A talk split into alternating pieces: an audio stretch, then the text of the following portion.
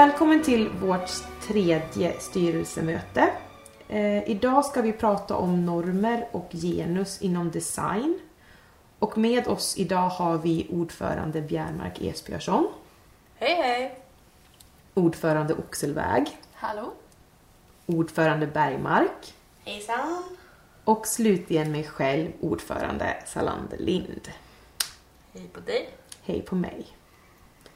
Så idag tänkte vi prata lite grann om då normer och könsroller, genus, som manifesteras i design. Och då tänker vi lite grann kring sådana här vardagliga föremål som vi kanske inte tänker kanske allt för mycket på. Eh, men som ändå har en väldigt stor påverkan för hur vi ser på och talar om könens roll i samhället som i sin tur sätter ganska starka spelregler för hur världen konstrueras och i sin tur även då konstvärlden såklart. Vi börjar rent konkret med vart vi ser de här fenomenen och vart det syns som tydligast. En sån, eller ett sånt exempel eh, tycker ju jag är det kanske mest självklara när vi pratar om kill och tjejprodukter. Som är någonting ganska basic tycker jag i samhället idag. Som man kanske inte reflekterar sådär jättemycket. Vi har ju exempel som rakhyvlar. Eh, som är en alltså vanliga föremål som fungerar precis likadant. Men som utformas på två helt olika sätt beroende på vad det är för målgrupp man vill nå. Och då är ju målgruppen då vilket kön man vill tilltala. Ehm, jag tänker såklart på Venus speciellt. Eh, och eh, Gillette. Också intressant med rakhyvlar är att på de som är så här klassade som eh, manliga, då så här syns ofta skruvarna. Men på de som är tjejrakhyvlar, då är så skruvarna dolda. De har som ett plasthölje Mm. över. För att killar ska kunna öppna sin rakhyvel och fixa den. Men det kan inte tjejer göra. De är dumma i huvudet. Ah. Ah. Det finns ju ingen anledning till att en rakhyvel heller ska ha ett kön. Det är ju samma produkt liksom. Eh, även fast det används på två olika områden så har den precis lika många blad. Eh, och även fast eh, tjejer absolut har lenare och eh, mjukare händer som ska greppa de här stackars rakhyvlarna så hjälper det inte så mycket att de är rosa och eh, handfasta. Eller ja, det fanns ju också en, eh, en penna som Bick försökte få till som var for women, for gentler hands. Och det är kanske någonting som, eh, som även de här bolagen har köpt in sig på att vi har lite skörare händer. Men en, eh, en sak som jag tänkte säga kring just det här är att kanske en av anledningarna till att vi inte tänker på den här eh, det här fenomenet så mycket som vi borde är väl kanske att vi inte tänker på att någonting är design och att någonting är medvetet. Vare sig det är stavmixar, dammsugare, eh, motorcyklar eller borrmaskiner så är det design med målgruppsfokus och har ett genus ofta. Jag tänker också att det är så intressant det här du säger om utformningen av rakhyvlarna. Har, har, alla vi har väl kanske hållit i en sån här gillett för män då rakhyvel. Jag, min personliga upplevelse är att den är ju mycket obehagligare och sämre att hålla i än den som är till för kvinnor. Eh, då Venus till exempel, om vi ska dra in märken. Att det är intressant att den är mer ergonomiskt utformad än vad Gillettes är. Eh, nu tror jag att Gillette har börjat komma in på det igen, men det är intressant att det är, om man ska prata om, alltså design har ju en, ett uppdrag och det är ju att förbättra en produkt, att göra en produkt, eh, alltså att produkten i sig ska lyckas med sitt uppdrag såklart, så, så sin uppgift så bra som möjligt. Och då är det intressant att det är två likadana produkter på marknaden samtidigt. Men den ena är liksom bättre än den andra för att de är, har, eller har olika målgrupper. Ja, det är, jag tycker att det är intressant hur, alltså design har ju en väldigt stor påverkan på oss. Eh, på ett sätt som man inte tänker på. Det har en stor påverkan på oss både mentalt men också fysiskt tänker jag. Och det finns ju, nu pratar vi om en faktiskt, en faktisk pryl som vi använder.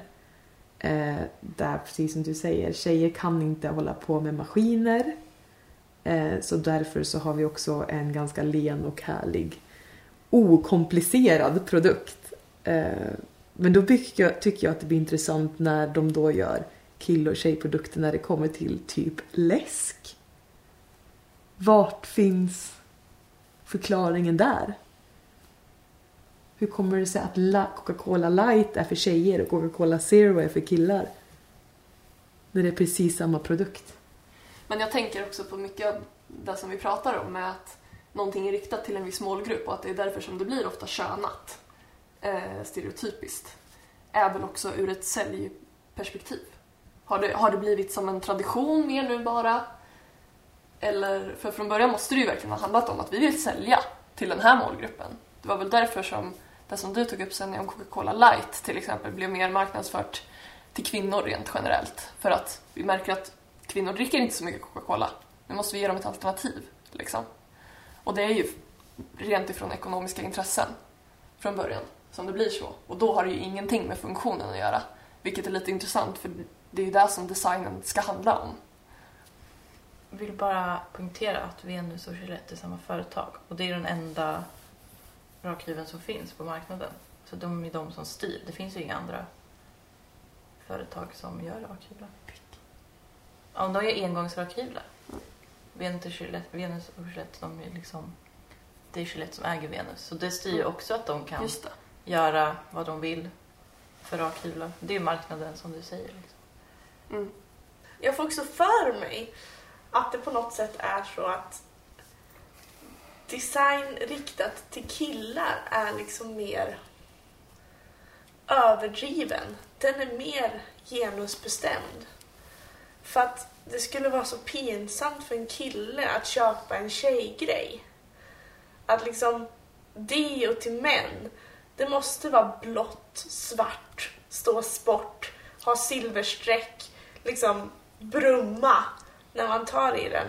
Jag såg något, så ett kökskit för män såg jag. Då serverades det upp i en verktygslåda. Alltså det är så här, ja men det är någonting så himla, man, det är så himla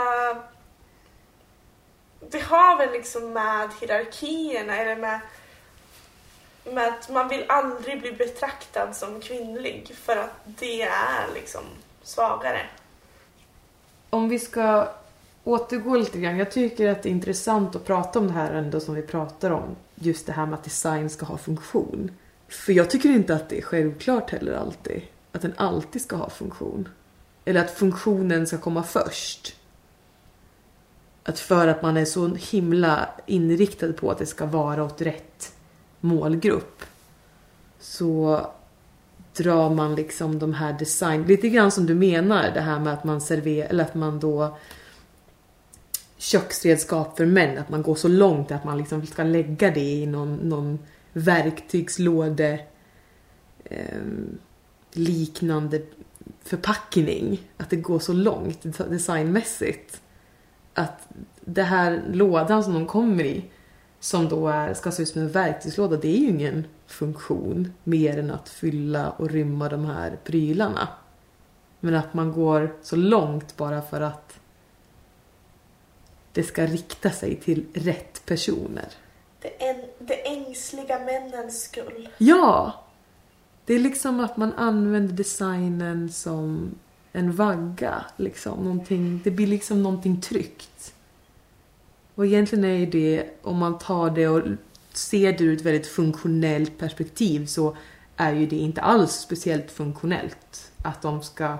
Det är ju snarare, om man tänker också ett marknads eller ekonomiskt eh, perspektiv, att det blir ju mycket dyrare såklart att skapa den här lådan och förpackningen då som ska också ha en egen design som de här prylarna ska komma i. Men det gör man ändå för att det är så viktigt att målgruppen ska känna sig trygg i att shoppa det de väljer att shoppa. Men är kapitalismen liksom funktionell? Det känns inte som det. Nej. Kanske den inte är. Jag har aldrig eh, eh, funderat över det faktiskt. Jag tänker att eftersom kapitalismen är människostyrd och känslostyrd till en hög grad. Eftersom det är vi som är, alltså eftersom marknaden skapas av människor som köper saker så är den känslostyrd i förlängningen. För vi köper saker som bekräftar oss själva och som bekräftar vår egen bild av oss själva. Eller vilk, kanske inte av oss själva, men vilka vi vill vara.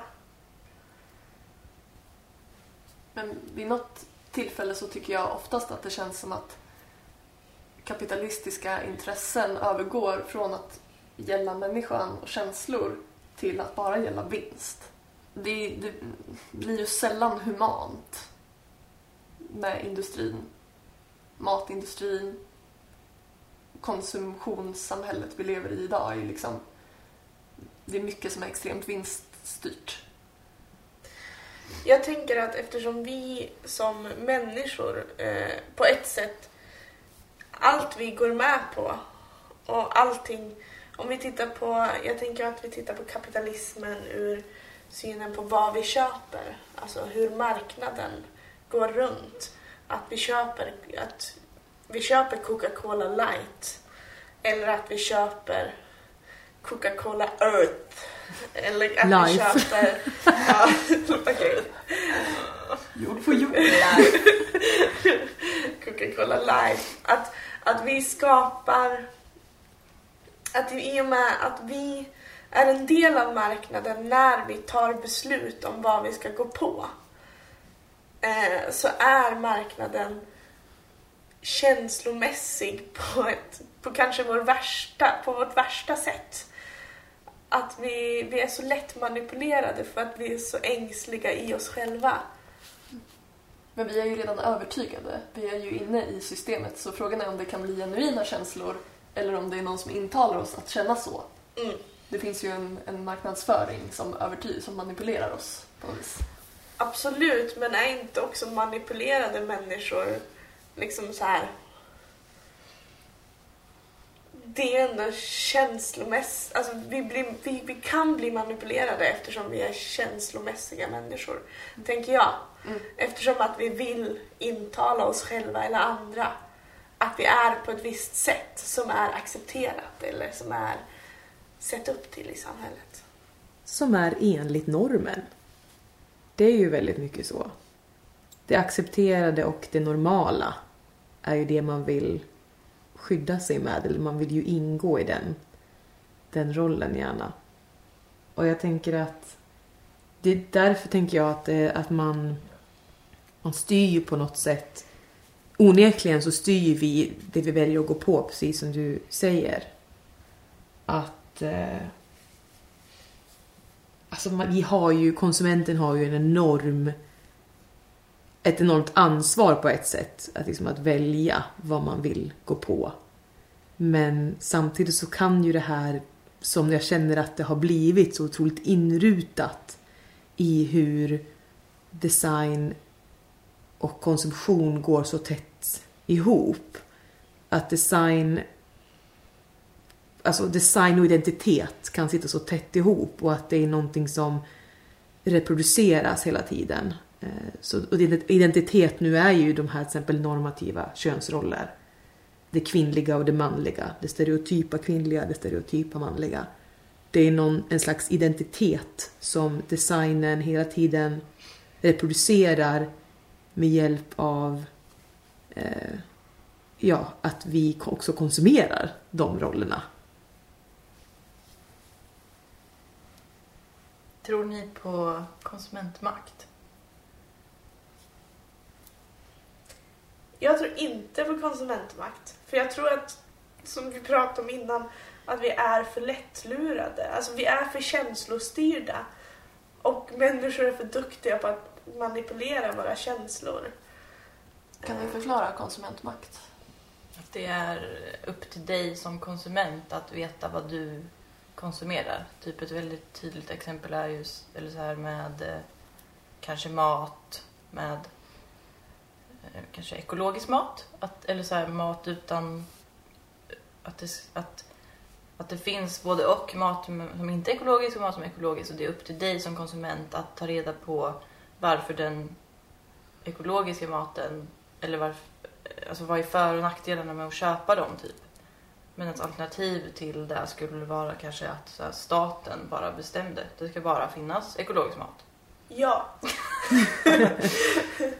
jag tänker att eh, det var en mycket bra beskrivning. Ja. Eller så mat med tillsatser. Ja. Jag tänker på ett sätt att det är att lägga över ansvaret på företagen. Eftersom det är företagen som presenterar för oss vad vi har för utbud och vad, vad som är bra och vad som är dåligt. Så att det är konsumentmakt kanske inte ens är konsumenterna utan det är företaget. Alltså det, vi räk, om vi räknar med att konsumentmakt ska fungera måste vi också räkna med att företag är goda och presenterar oss rätt produkter. För att vi kan inte förväntas gå igenom allting. Ett ganska bra exempel på konsumentmakt är ju liksom Israel. Ska vi köpa avokados från Israel, ockuperade områden? Ett, måste man förstå att det ligger i ockuperade områden. Två, måste man liksom ta beslutet, man måste se vart avokadon kommer ifrån. Medan som under apartheid så gjorde vi en rokad, eller blockad, där det var förbjudet att köpa in från Sydafrika. Så där har vi Det var konsumentmakt. Nej, där var det ju staten som gick in och förbjöd. Medan i fallet Israel så förväntas vi ta ställning till det. Här pratar vi alltså om hur staten går in och säger att eh, inte det kanske är rätt och fel, men säger att ja, men lite så ändå rätt och fel. Och det är intressant hur det här då, det här normativa, återigen om vi återgår till det här med genus då.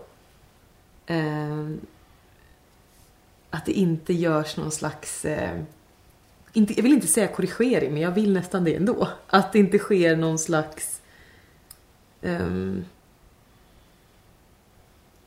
Alltså att det inte är någon annan, någon, någon högre som reagerar på det. På, tanke just på vilka enorma diskussioner det ändå är. I alla fall här i Sverige, anser jag. Eh, det har ju blivit så mycket mer prat om, om, om, om könsroller och om könsidentifikation. Liksom. Vem, vad är det för kön man identifierar sig med och att det finns andra kön än ett hon och ett han. Och att eh, man har ju liksom lagt till hen i ordboken och hela den visan. Men, men det är ingen som liksom ställer sig upp mot de här den här, marknadsföring, den här marknadsföringen som fortfarande reproducerar den här heteronormativa rollen. Det här är en fråga. En öppen fråga. Är färg design? Ja, Valet av färg är design, ja. tycker jag. Ja. Allra högsta grad. Mm. Ja. Det Så rosa, färgen rosa är en designad produkt. Absolut. Ja. Jag tänker i och med de situationer den har satts i och i och med de normerna som har skapats runt att vara barn så är en designad produkt som vi återanvänder. För just i fallet rosa är det ju intressant att det har skiftat. Precis, det var det jag tänkte prata om. Det har vi pratat om ganska länge i styrelsen, det faktumet att rosa från början var en spin-off på röd som var liksom betraktat som den manligaste marschfärgen. Och sen vid något tillfälle så övergick det. Liksom. 20-talet tror jag. Mm. Vilket är intressant i och med att det var... Det är ett intressant årtal just eftersom det var då det blev kvinnlig rösträtt och det, blev, det var en, en genombrottstid. Jag vet att det blev en eh, modefärg eh, och att eh, det här har jag fått direkt ur källan QI. Nej men att det var någon kunglig som valde att klä sin eh, flicka i rosa och så uppmärksammades detta att det var konstigt. She's thought of everyone else. Now, what would Mother really like for Christmas? A Hoover constellation? Yes, of course, because she knows that with a Hoover constellation, cleaning is easy, thorough, and fast. With its all purpose cleaning head, the constellation cleans every floor in your house tiles, timber, carpet. Give her what she really wants for Christmas the Hoover Walk on Air En intressant sak som händer i designhistorien som ehm, jag tycker sätter en ganska stark eh, ton för hur design sedan utvecklas eh, i konsumtionssamhället är ju när i efterkrigstiden, alltså efter 1945, när kvinnorna då som har varit ute i arbete ska och har jobbat istället för männen. De ska tillbaka till hemmet. Och under den här tiden så händer det ju en hel del i hela världen. Och eh, man, vill, man pratar ju om förändring, man pratar ju om det moderna. Det är ju någonting som är otroligt hett under efterkrigstiden. Men samtidigt så vill man inte släppa de här värderingarna som liksom man har haft sen innan om det kvinnliga och det manliga. Och då påbörjas ju de här reklamkampanjerna för att locka tillbaka kvinnan till hemmet genom att locka med nya produkter eh, som då det här nya köket. Du ska inte jobba längre, du ska komma hem igen men du får, du får komma hem till ett helt nytt modernt kök. Och att det redan där då på något sätt börjar det här med att man lockar kvinnan till hennes rätta rum, eller det rummet hon hör till. Och det är också samma sak när dammsugaren eller the hoover kommer. Eh, att nu ska det bli så lätt att städa. Du ska tillbaka hem, du ska fortsätta, fortsätta dina sysslor men det kommer bli så lätt med de här nya produkterna som är skapat för dig. Maskinerna. Maskinerna, precis. Well, that's enough for today. Now for a lively lift. Ice cold Coca Cola. There's no waistline worry with Coke, you know. Actually, this individual size bottle has no more calories than half a grapefruit. Mmm, another thing, the cold, crisp taste of Coke is so satisfying it keeps me from eating something else that might really add those pounds. Ja, men det blir så uppenbart. Alltså den attityden som är i den typen av reklam och kampanjer är ju extremt liksom charmig. Eller så här, jag, kan, jag kan fatta att man föll för det liksom. Finns det något liknande idag som vi faller för? Har du ett exempel? Ja, eh, vegan, alltså det, alla de här eh, eh, icke-mjölkprodukterna. Oatly typ. Ja, Oatly typ, Alpro. Alpro, alltså alla de, de här lite hippa coola som är så här. Vi är ju, Oatly är ju Ja, där har ju bra. Oatly någonting som Alpro inte har. Absolut. Att Oatly så här har gjort om sin, sina förpackningar och det ser inte så här längre ut som en cool sportdryck utan det är så här ett alternativ, ett coolt alternativ till din mjölk. mm, och den ger gott samvete. Mm. Precis. Jag har ju jättelätt att falla för den typen av reklam som liksom är så här det känns som att den tar sig ner på min nivå på något vis. Det jag tänkte bara linka in med nu, det här som du börjar prata om, reklam och design, marknadsföring och design. Det är också någonting som händer, återigen nu då, historiskt perspektiv. I och med det här som du pratar om, de här 50-tals glätta, härliga, klämkäcka, eh, väldigt också på många sätt estetiskt tilltalande reklambilderna. Det är också något som händer med designen under postmodernismen, när modernismen går från modernismen till postmodernismen.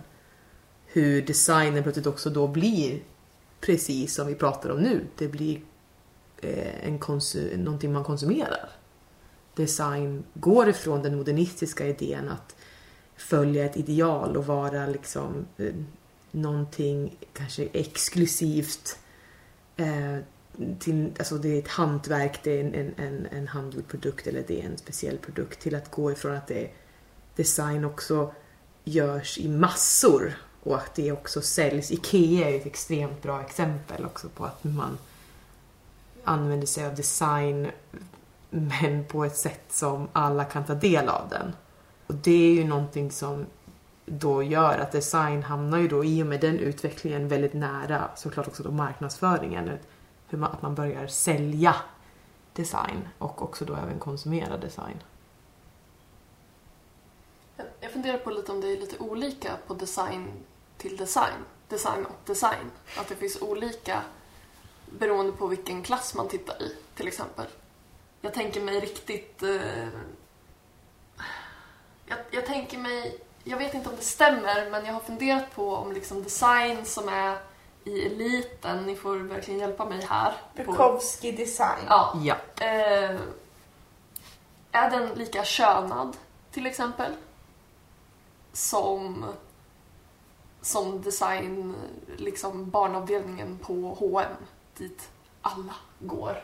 Ja, men typ den här eh, Charles and Ray Ames, Ames, den där fåtöljen som de har gjort. Den är otroligt könad, men den kommer ju kanske på, jag vet inte, 60-talet. Men den är ju verkligen så här att ha i sitt cigarrrum, typ. Det är så här svart läder, det ser väldigt skön ut, en sån fotpall. Och de i sin reklam har kanske en gubbe eller en man i kavaj som sitter med sin tidning och liksom läser. Man kan aldrig... Och det är ju verkligen en dyr, Mm. fin designklassiker. Även om det görs nu kanske i kopior och sådär. Men att man aldrig kan föreställa sig att en kvinna satt i den. Är det den typen av design som liksom sätter trenden för den designen som är mer konsumtionsbar? Eller är det tvärtom? Är det den designen som konsumeras mest, som det köps mest av, som sätter trenden för vad som är inne? Jag skulle säga att det är så som det är i, liksom, i väldigt många trendom, kulturella områden. Att det blöder ner från finkulturen. Mm. Och man vill, som människa, och där är man väl skyldig, där är väl vi alla lika skyldiga, vill vi köpa oss upp.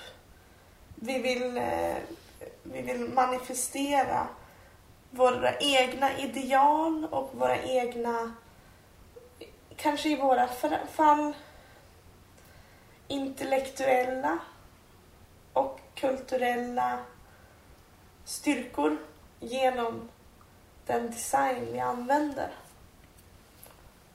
Eftersom vi är kulturmänniskor och det intellektuella och kulturella är det vi är starka i till skillnad från sådana med ekonomisk rikedom som visar det på ett annat sätt. Ja, då tycker jag att det blir intressant så här, saker som... För att underklassen har ju alltid haft olika saker som medelklassen kanske har så här kidnappat från dem och gjort till deras grej. Om man tänker på typ hur hipsters ser ut idag. Att ha sådana attribut som kommer från... Så bara att ha så här för korta byxor som slutar här. Och att det ska se ut som att du har köpt de här byxorna, eller kanske har ärvt dem Att de är för korta, du har inte råd att köpa nya, några nya. Men du har råd. Men du bara har dem. Eller typ har en sån skitig tygväska. Som du kanske har, men inte vill ha. Men att visa att du har tagit den saken och bara, det här är nu en cool grej. Också den här trenden som just är inne nu, det här med att köpa trasiga kläder. Eh, och då pratar vi inte om det här standard som ändå har blivit ganska normaliserat här nu att man köper jeans med hål på. Men nu pratar vi sweatshirts och eh, t-shirtar som är eh, upprivna ganska ordentligt. Eh, ja, jag tycker bara att det är intressant att det har gått så långt att man eh, köper ordentligt liksom trasiga helt enkelt klädesplagg för otroligt mycket pengar. Men är det att vi har fått så mycket... Jag tänker i de kretsarna som jag rör mig i, typ att man har fått så mycket kulturellt kapital och att det har blivit alltså, för mycket. Så- att man på- på något sätt måste kompensera med att se alldaglig och lite fattig ut, typ. I alla fall där jag, de kretsar jag lever i, så finns det också väldigt mycket koder i det här, eh, i hur man väljer att se ut. Eh, inom ditt gäng så är du väldigt medveten om de beslut som har tagits, tagits när du köper Air Jordan second hand eller när du som i mina kretsar köpa en Acne vit t-shirt för 700 kronor istället för en vit t-shirt på H&M. Att det finns liksom... Det handlar på något sätt om att vi som har det kulturella kapitalet och i vissa fall ekonomiska kapitalet. Vi hittar alltid sätt att inte bjuda in de som inte har råd att se, eller de- de som inte har kulturellt eller intellektuellt eller pengamässigt kapital att följa eller att eh, de, det är liksom de vi härmar. Men de passar ändå inte in. Hur formar då det här, tänker jag, om vi ska dra lite paralleller och kopplingar till, till konstvärlden men också då vi har ju redan pratat lite grann om könsroller vilket är ju ändå någonting som sätter ganska tydliga ja, men, spelregler för hur saker och ting går till. Eh, om vi ska hitta liknelser i konstvärlden då för hur, hur det här till exempel kulturella kapitalet utspelar sig i form av design. Nu, nu pratar vi om kläddesign till exempel. Och, Det är ju klart att det finns trender inom konsten också. De kan säkert hänga ihop med trender inom design just nu. Bara att det inte blir så synligt, kanske för en som 40 år. Liksom att man mer kan utmärka den där tiden så var det där som gällde. Eller så här reagerade konsten på designen. Eller så här reagerade designen på konsten. Det finns ju exempel på hur folk remakar saker och gör ett statement av sin design. Liksom. Så där suddas väl gränserna ut. Eller jag kan känna att ibland behöver man inom design det finns inte samma behov av ett ifrågasätta för ifrågasättandets skull. Men det kanske borde finnas. Men är det inte också alltid problematiken som jag också känner igen från, från er nu som eh, har studerat och studerar på designhögskolor? Att det hela tiden är det här trycket av just det här konsumerbara som kanske inte ligger på... Även om konstnärer måste ju likt förbannat sälja sin konst för att kunna ha en, en konstnärlig verksamhet. Så trycket på att skapa någonting som ska säljas är ju inte på samma sätt lika inrutat i, tänker jag, konst, konsthögskolornas utbildning som jag kanske kan känna att ni har uttryckt i era utbildningar. Att det är, att det är så otroligt eh, kopplat liksom, i, i institutionen på något sätt, den här relationen. Jag tänker mer att det är, och det är både för konst och designstudenter att nu ska man så här sälja sig själv liksom. Att det är där som är viktigt, inte vad man gör. Eller jo, alltså det blir i förlängningen vad man gör också, men så här. att vara sitt eget varumärke och allt det där, bla bla bla. Och det tänker jag är lite samma för, för en som pluggar konst eller design. Också att vara först med saker och ting. Med någon... Ja, att vara först är Det också. ska vara så originellt som Ja. möjligt. Man går in i saker för att vara originell, inte för att sälja kanske. Mer så. Det finns ju en trend som nästan är odemokratisk i design som är att designa för andra designers. Det finns kanske i konsten också. Men att eh, där, där design skapas för att man ska imponera på andra designers som är de som ger en uppdrag. Så man får fler uppdrag, man tjänar mer pengar.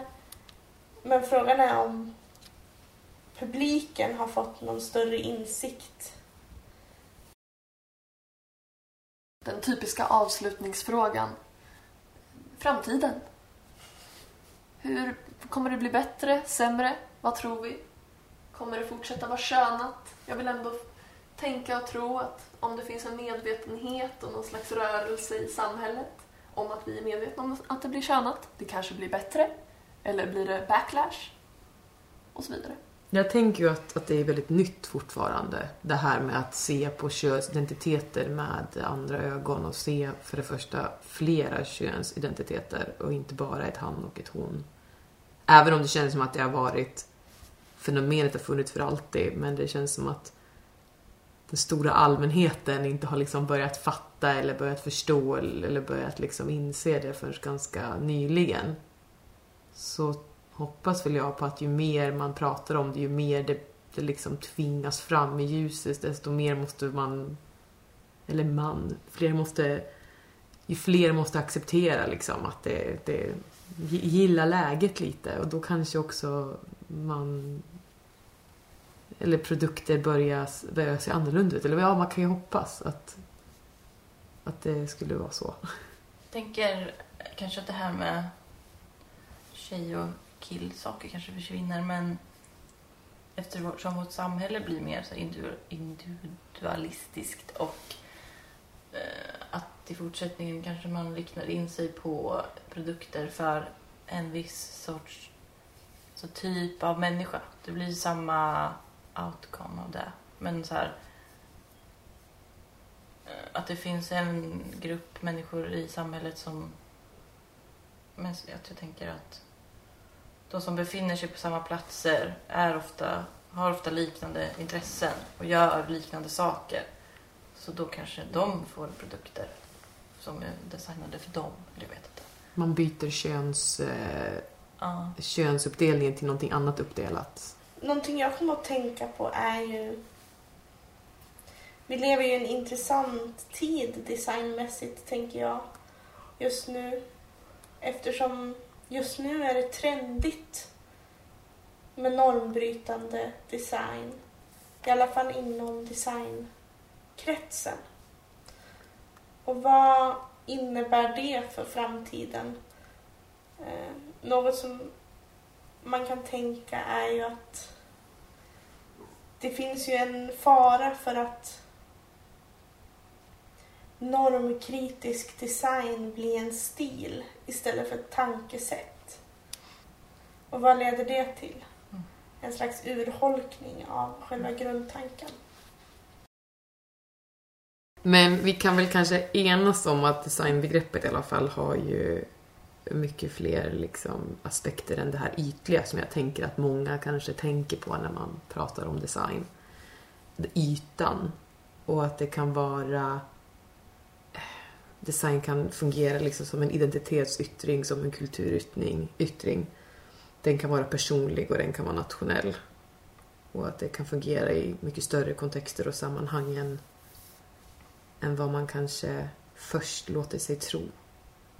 Tack så mycket för att ni lyssnade. Eh, ni kan gå in på vår Facebook och även vår hemsida där ni finner tidigare styrelsemöten. Eh, och så hörs vi inom kort. Tack. Eller ja, varsågoda.